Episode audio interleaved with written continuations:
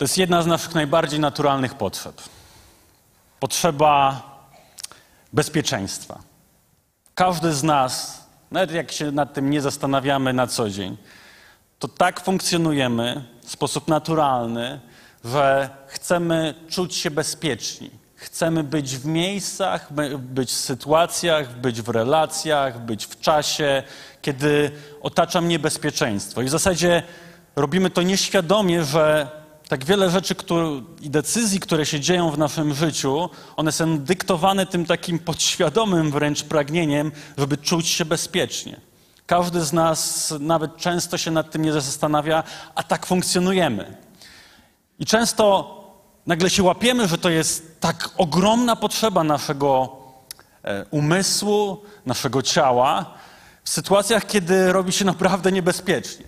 No bo Okazało się, że jak wybuchła pandemia, to najbezpieczniejszym miejscem na ziemi, jakie mogłeś, mogłaś mieć, to być może działka pod Warszawą.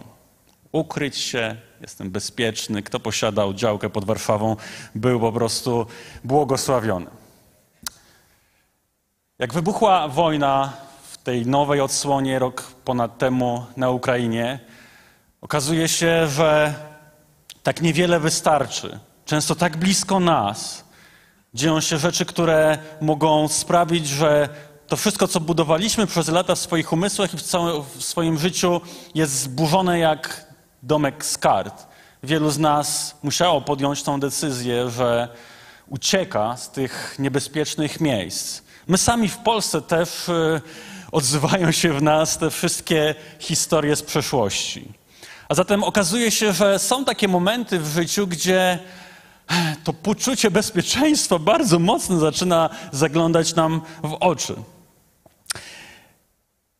Filippo Grandi to jest jeden z wyższych sekretarzy e, narodów ONZ-u. Napisał ostatnio w wypowiedzi w Genewie, powiedział coś takiego.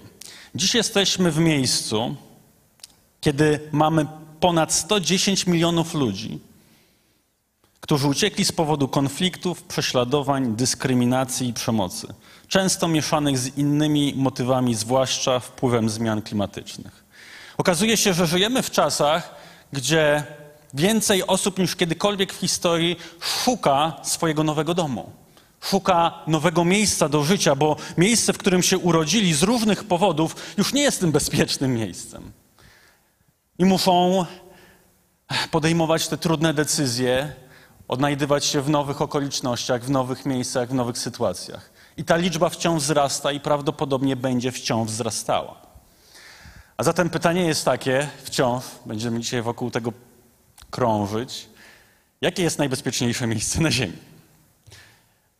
Odpowiedź, którą badacze e, różni podają dzisiaj, jakie jest najbezpieczniejsze państwo, jest od 15 lat niezmienna, bo okazuje się, że najbezpieczniejszym państwem na Ziemi jest Islandia.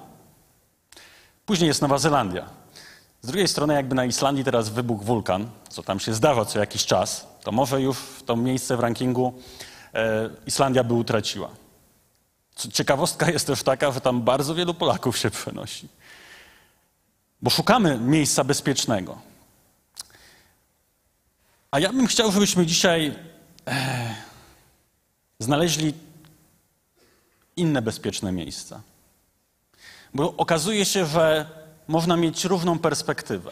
I Bóg też ma swoją perspektywę na to, jak widzi nasze bezpieczeństwo, jak widzi te miejsce, w którym powinniśmy być, w którym będziemy najbardziej bezpieczni, w którym będziemy tam, gdzie być powinniśmy, gdzie On nam przeznaczył. I chciałbym, żebyśmy zajrzeli do dwóch miejsc. Jedno w Starym Testamencie, jedno w Nowym Testamencie. Bardzo nieoczywistych miejsc. Tych miejsc jest wiele, ale z premedytacją wybrałem te dwa. Zajrzymy do Księgi Estery wpierw. I nim przeczytamy jeden, kilka wersów, to mały kontekst. Nie wszyscy może pamiętamy. Księga Estery jest bardzo wyjątkową księgą z wielu powodów. Otóż jednym z nich jest to, że to jest jedyna księga w Biblii, gdzie nie pojawia się imię Pana Boga. Tam nie pada słowo Bóg. Ale okazuje się, że nawet kiedy nie pada, nawet kiedy często znowu odnośnik do naszego życia pewnych rzeczy nie widzimy, to jak się czyta Księgę Estery, to Bóg jest tam cały czas. On cały czas ma tam swoją dłoń. I oto jest moment, jeden z wielu w historii Izraela, kiedy ten naród ma zostać poddany e, całkowitemu wytępieniu. To się powtarza w historii non-stop. Nic nowego pod słońcem. Jest moment w historii, kiedy po raz kolejny naród wybrany będzie się z tym mierzył. Ale okazuje się, że Bóg już tak naprawdę to wszystko przewidział, ma to cały czas w swojej dłoni, nic mu się nie wymyka. I oto stawia Esterę, Żydówkę, w miejscu, gdzie zostaje królową jednego z najpotężniejszych państw świata. Jest królową, jest żoną faceta, króla, który podejmuje najważniejsze decyzje. I ona do końca nie rozumie do pewnego momentu, czemu znalazła się w tej pozycji, że oto jest Żydówką, a jej naród za chwilę ma być decyzja o tym, że zostanie wytępiony. Jest rozmowa z jej przyjacielem, z jej pewnego rodzaju ojcem Mordochajem, gdzie oboje dochodzą do miejsca zrozumienia, że to nie jest przypadek. Że są właśnie w tym miejscu, w którym są. Bo czytamy takie słowa w, czwartej, w czwartym rozdziale od czternastego wersu. Jeśli, to mówi Mordochaj, jeśli w takiej chwili jak ta zachowasz milczenie i ocalenie dla Żydów, mówi do Estery, Ocalenie dla Żydów przyjdzie skądinąd, lecz ty i dom twego ojca zginiecie. I teraz. A kto wie, czy godność królewskiej, czy godności królewskiej nie dostąpiłaś ze względu na taki czas jak ten? Wtedy Estera przekazała Mordochajowi taką odpowiedź. Idź, zbierz wszystkich Żydów, którzy mieszkają w Suzie i pośćcie za mnie Chciała być pewna. Nie jedźcie i nie pijcie przez trzy dni, dzień i noc. Ja i moje służące też tak będziemy pościć. Potem udam się do króla, mimo że to jest wbrew prawu. Jeśli mam zginąć, to zginę. I od razu przeskoczymy do Nowego Testamentu. Do trudnej rozmowy dwóch facetów, dwóch mężczyzn. Oto w Ewangelii Mateusza w 16 rozdziale czytamy takie słowa od 21. Odtąd Jezus zaczął tłumaczyć swoim uczniom, że musi pójść do Jerozolimy. Tam wiele wycierpieć ze strony starszych, arcykapłanów i znawców prawa, że musi być zabity i trzeciego dnia zmartwychwstać. Piotr wziął go wówczas na stronę i zaczął upominać – Niech cię Bóg przed tym zachowa, panie.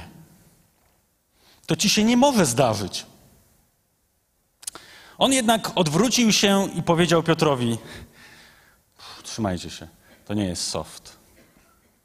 Zejdź mi z oczu, szatanie. Nakłaniasz mnie do odstępstwa, bo nie myślisz o tym, co Boże, ale o tym, co ludzkie. Być może jeden z najbardziej E, takich mocnych tekstów e, Nowego Testamentu. Bo to okazuje się, że są dwa wyobrażenia tego, jak wygląda życie. Jak wygląda też życie z Bogiem, jak wygląda podążanie za Jezusem. W głowie Piotra tam nie było miejsca na te wszystkie rzeczy, o których mówił Jezus. Na te wszystkie trudne rzeczy, o których często mówił Jezus. Bo to okazuje się, że Jezus nie jest takim tylko słodkim gościem, który mówi bardzo miłe, przyjemne rzeczy.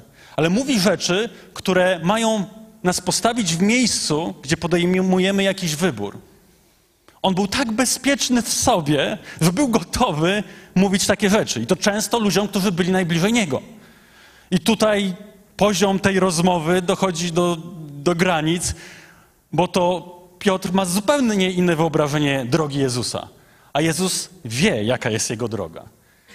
On wie, że życie to nie często świat lalki Barbie, choć podobno nie oglądałem filmu, ale lalka Barbie też nie ma lekko.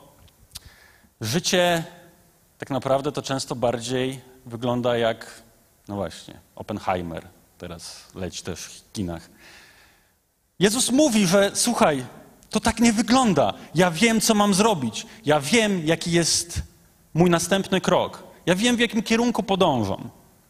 I ja z premedytacją wybrałem te dwa fragmenty. One są dosyć nieoczywiste. Jest całe mnóstwo innych bardzo oczywistych fragmentów, które mówią o tym samym. Bo w zasadzie chciałbym zadać znowu to samo pytanie. Z perspektywy Pana Boga, tego jak On widzi rzeczywistość, widzi mnie i Ciebie, jakie jest najbezpieczniejsze miejsce na Ziemi? I od razu odpowiem. W zasadzie możemy zakończyć. Bo okazuje się, że gdziekolwiek otworzysz Biblię, to odpowiedź jest zawsze taka sama. Najbezpieczniejszym miejscem na ziemi jest bycie w centrum Bożej woli dla Twojego życia. Teraz możemy się rozejść. Najbezpieczniejszym miejscem dla każdego z nas, dla mnie i dla Ciebie, jest to miejsce, które Tobie i mi przeznaczył Bóg, w którym Ty i ja powinniśmy być które On wymyślił na dany czas, na dane miejsce, na dany moment naszego życia. Jeśli jesteśmy w tym, co On nazywa centrum swojej woli, w tym, co jest Jego, to tak naprawdę jesteśmy w najbezpieczniejszym miejscu. Bo mamy totalną o Jego opiekę. Tu nie chodzi o kontekst, tu nie chodzi o czas, tu nie chodzi o miejsce, tu nie chodzi o to, jak się czuję, tu nie chodzi o to, jaką, jak sobie wyobrażam nawet życie, tu chodzi o to, czy jestem w tym miejscu, w którym powinienem być. Czy jestem w centrum Bożej woli. Bo jeśli jestem w centrum woli, woli dla swojego życia, to mogę czuć się bezpiecznie, bez względu na wszystko. Tak jak powiedziałem, moglibyśmy tutaj zakończyć. Ale chciałbym troszkę złamać to, co dzisiaj doszliśmy, choć te teksty są głębokie. I chciałbym, żeby przez najbliższych kilka minut Bóg wykorzystał swoje słowo i ten czas, bo każdy z nas e, ma to pytanie w sobie. I być może dzisiaj nie towarzyszy Tobie poczucie bezpieczeństwa. I właśnie Bóg dzisiaj chce w Tobie ugruntować to przekonanie, hej, jesteś w dobrym miejscu. Jesteś w dobrym miejscu.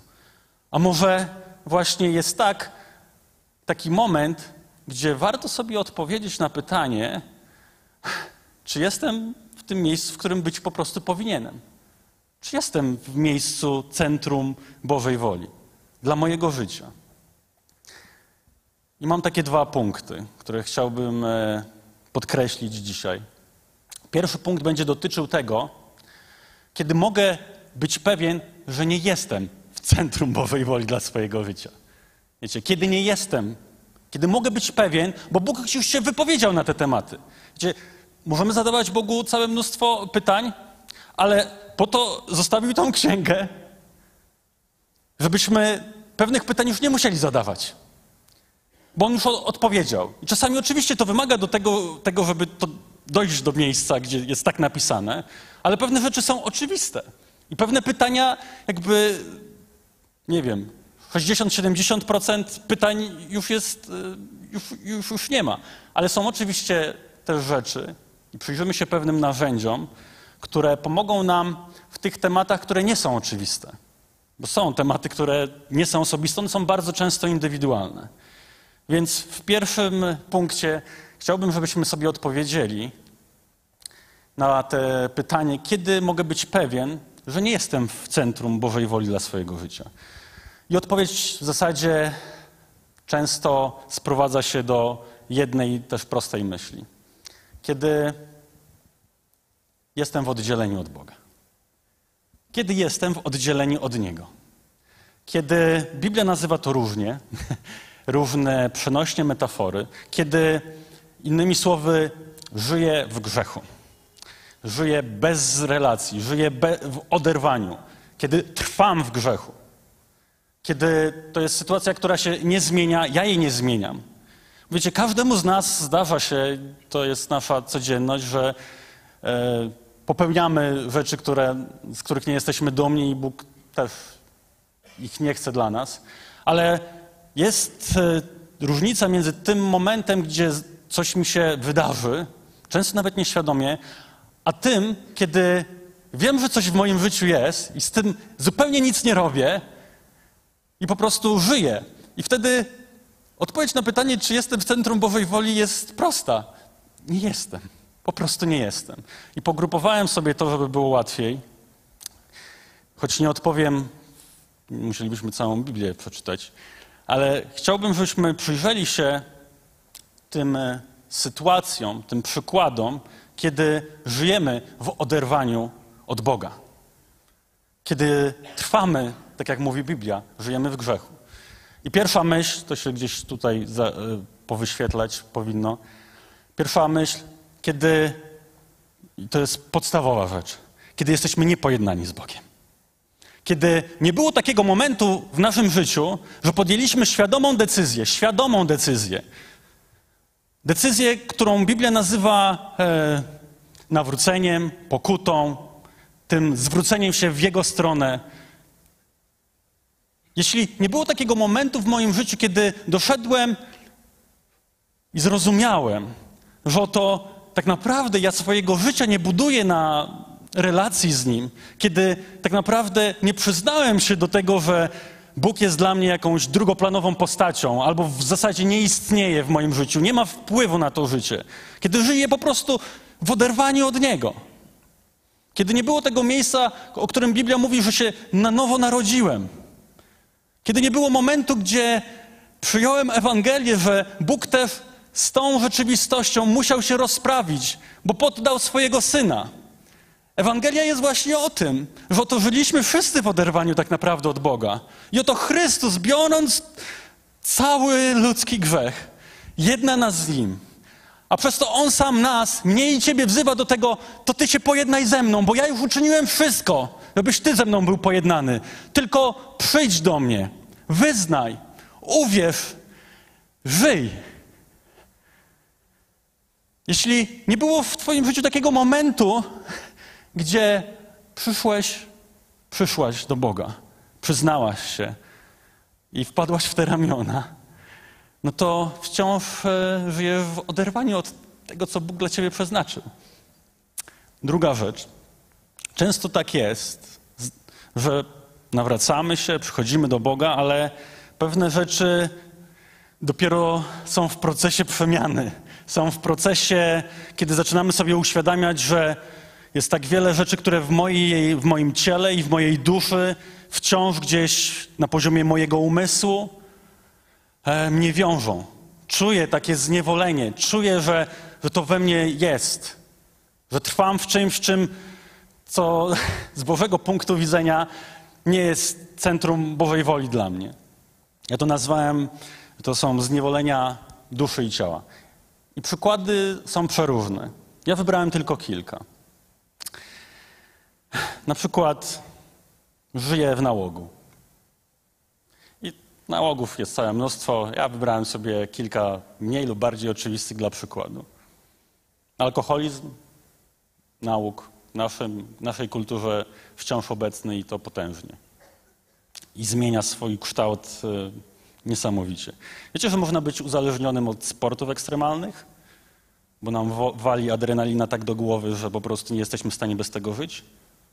Ja znam takich ludzi, co tydzień w tydzień muszą pojechać po prostu, bo inaczej bez tego kopa nie są w stanie funkcjonować. Są uzależnieni. To jest uzależnienie i trzeba o tym mówić. Żebyśmy sobie zdawali sprawę z tego, że, że to nie jest coś, co Bóg chce dla mnie i dla, dla ciebie. Ja sobie, możecie mnie za to, ale Biblia o tym mówi, więc w zasadzie czuję się bezpiecznie, tak bardzo. Obżarstwo. To jest coś, o czym często nie mówimy. A tak często jest to jakaś forma ucieczki. I, i później czujemy się z tym źle. I to nas trzyma. To jest nauk. To jest coś, co gdzieś trzyma nasze ciało i nasz umysł i naszą duszę. Są oczywiście rzeczy bardzo nieoczywiste, które czasami mogą nas wiązać. Ja tu sobie dla przykładu wybrałem, Biblia o tym mówi w wielu miejscach, plotkowanie, krytykowanie, obrażanie się, przeklinanie, nienawiść. Jeśli trwamy w tym, jeśli to wiąże naszą duszę, to wciąż nie jesteśmy w tym miejscu, w którym być powinniśmy. Już nie wspomnę o nieprzebaczeniu, które jest fundamentem, w zasadzie pierwszymi drzwiami, które powinniśmy otworzyć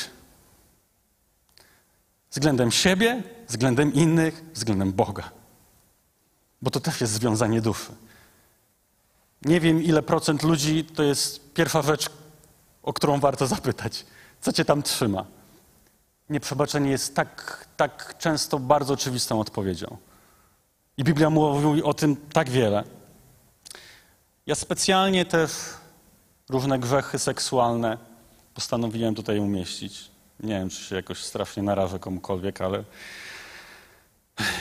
czytam o tym w Biblii, więc czuję się strasznie bezpiecznie, kiedy czytam o tym w Biblii. Pornografia. To tak wiąże tak wiele osób. I nie tylko facetów. To jest nieprawda.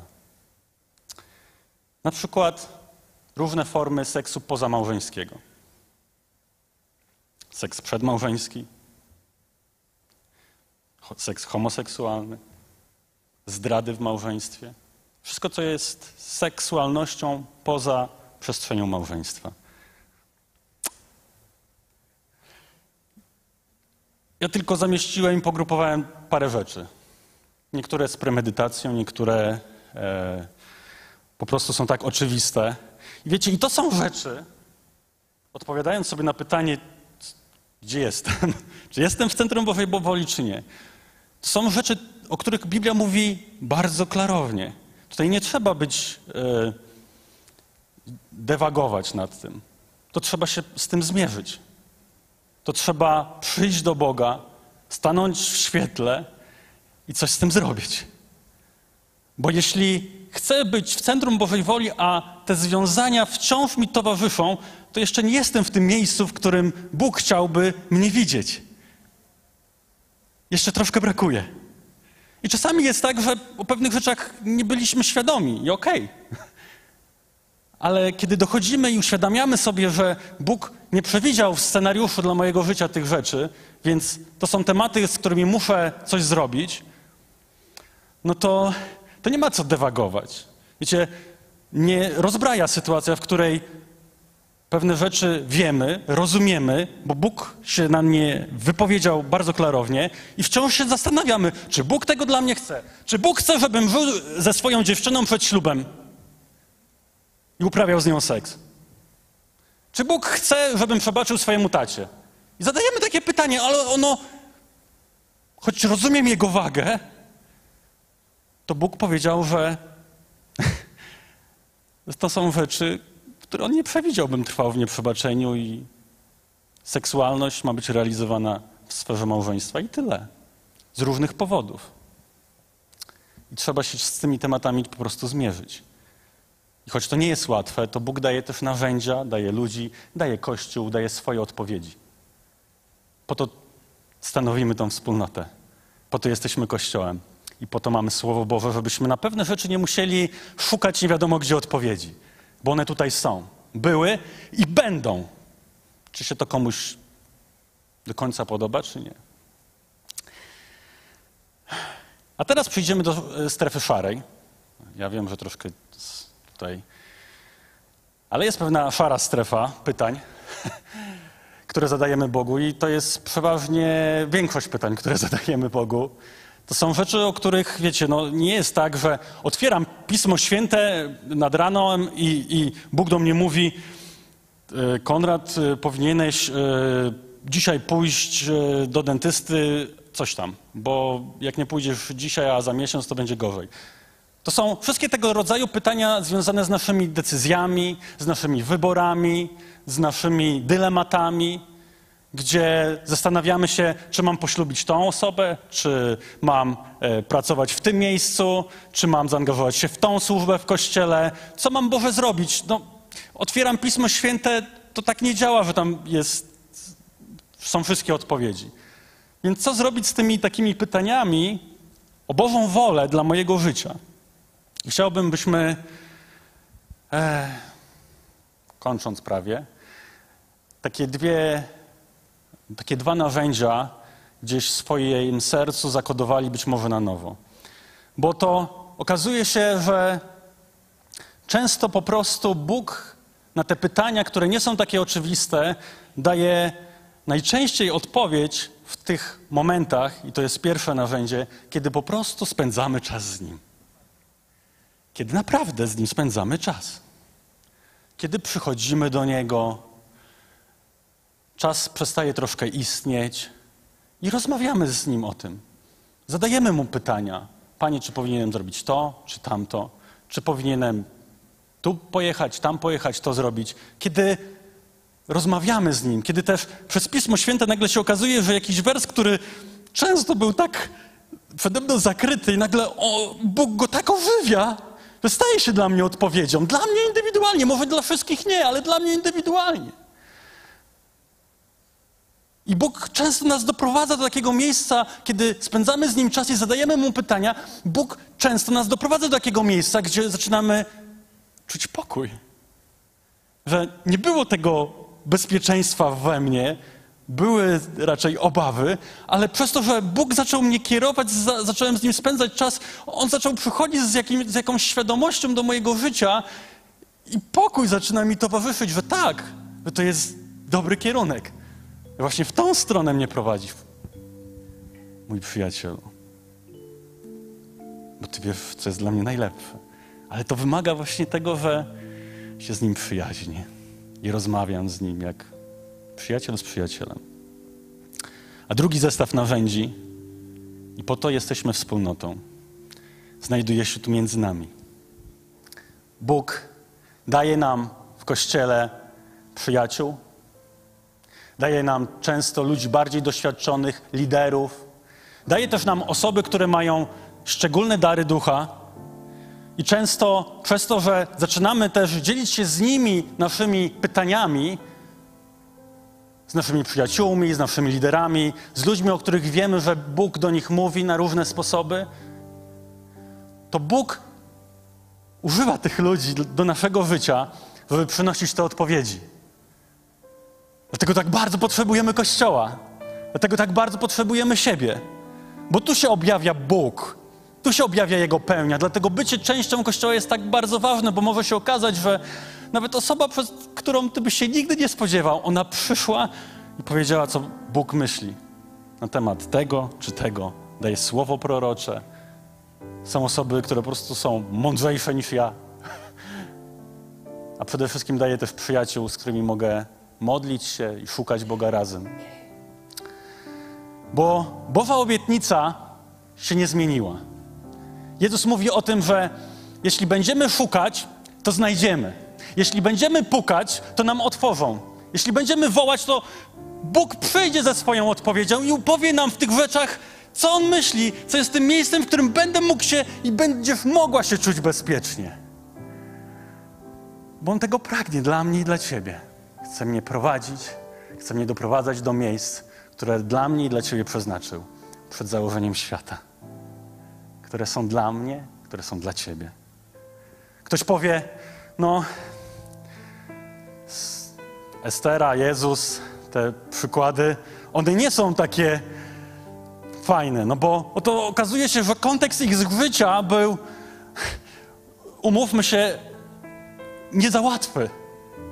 Ale to, co im towarzyszyło, co widzimy w życiu Estery, co widzimy w życiu Jezusa, to to, że nawet kiedy oni zdawali sobie sprawę z tego, że nie jest łatwo w koło, to zrozumieli tą jedną rzecz, że miejsce, w którym są i że miejsce, do którego podążają, jest miejscem, które Bóg im przeznaczył.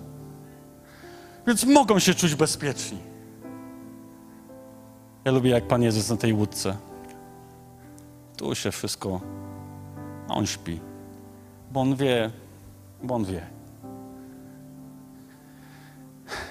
On wie. Dlatego dał siebie. Ktoś powie, no Pan Jezus nie skończył może do końca dobrze, no bo umarł. No ale to tak jest jak nasze nasze życie wiążemy jedynie z tą rzeczywistością tutaj.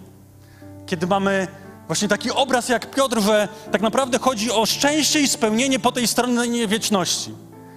Moje szczęście i spełnienie po tej stronie wieczności oznacza to, że wypełnię Bożą wolę. A moja nadzieja jest nadzieją zmartwychwstania. Że pewnego dnia spotkam się z Nim i On zetrze wszelką łzę i wszystko mi wyjaśni. I tym żyję.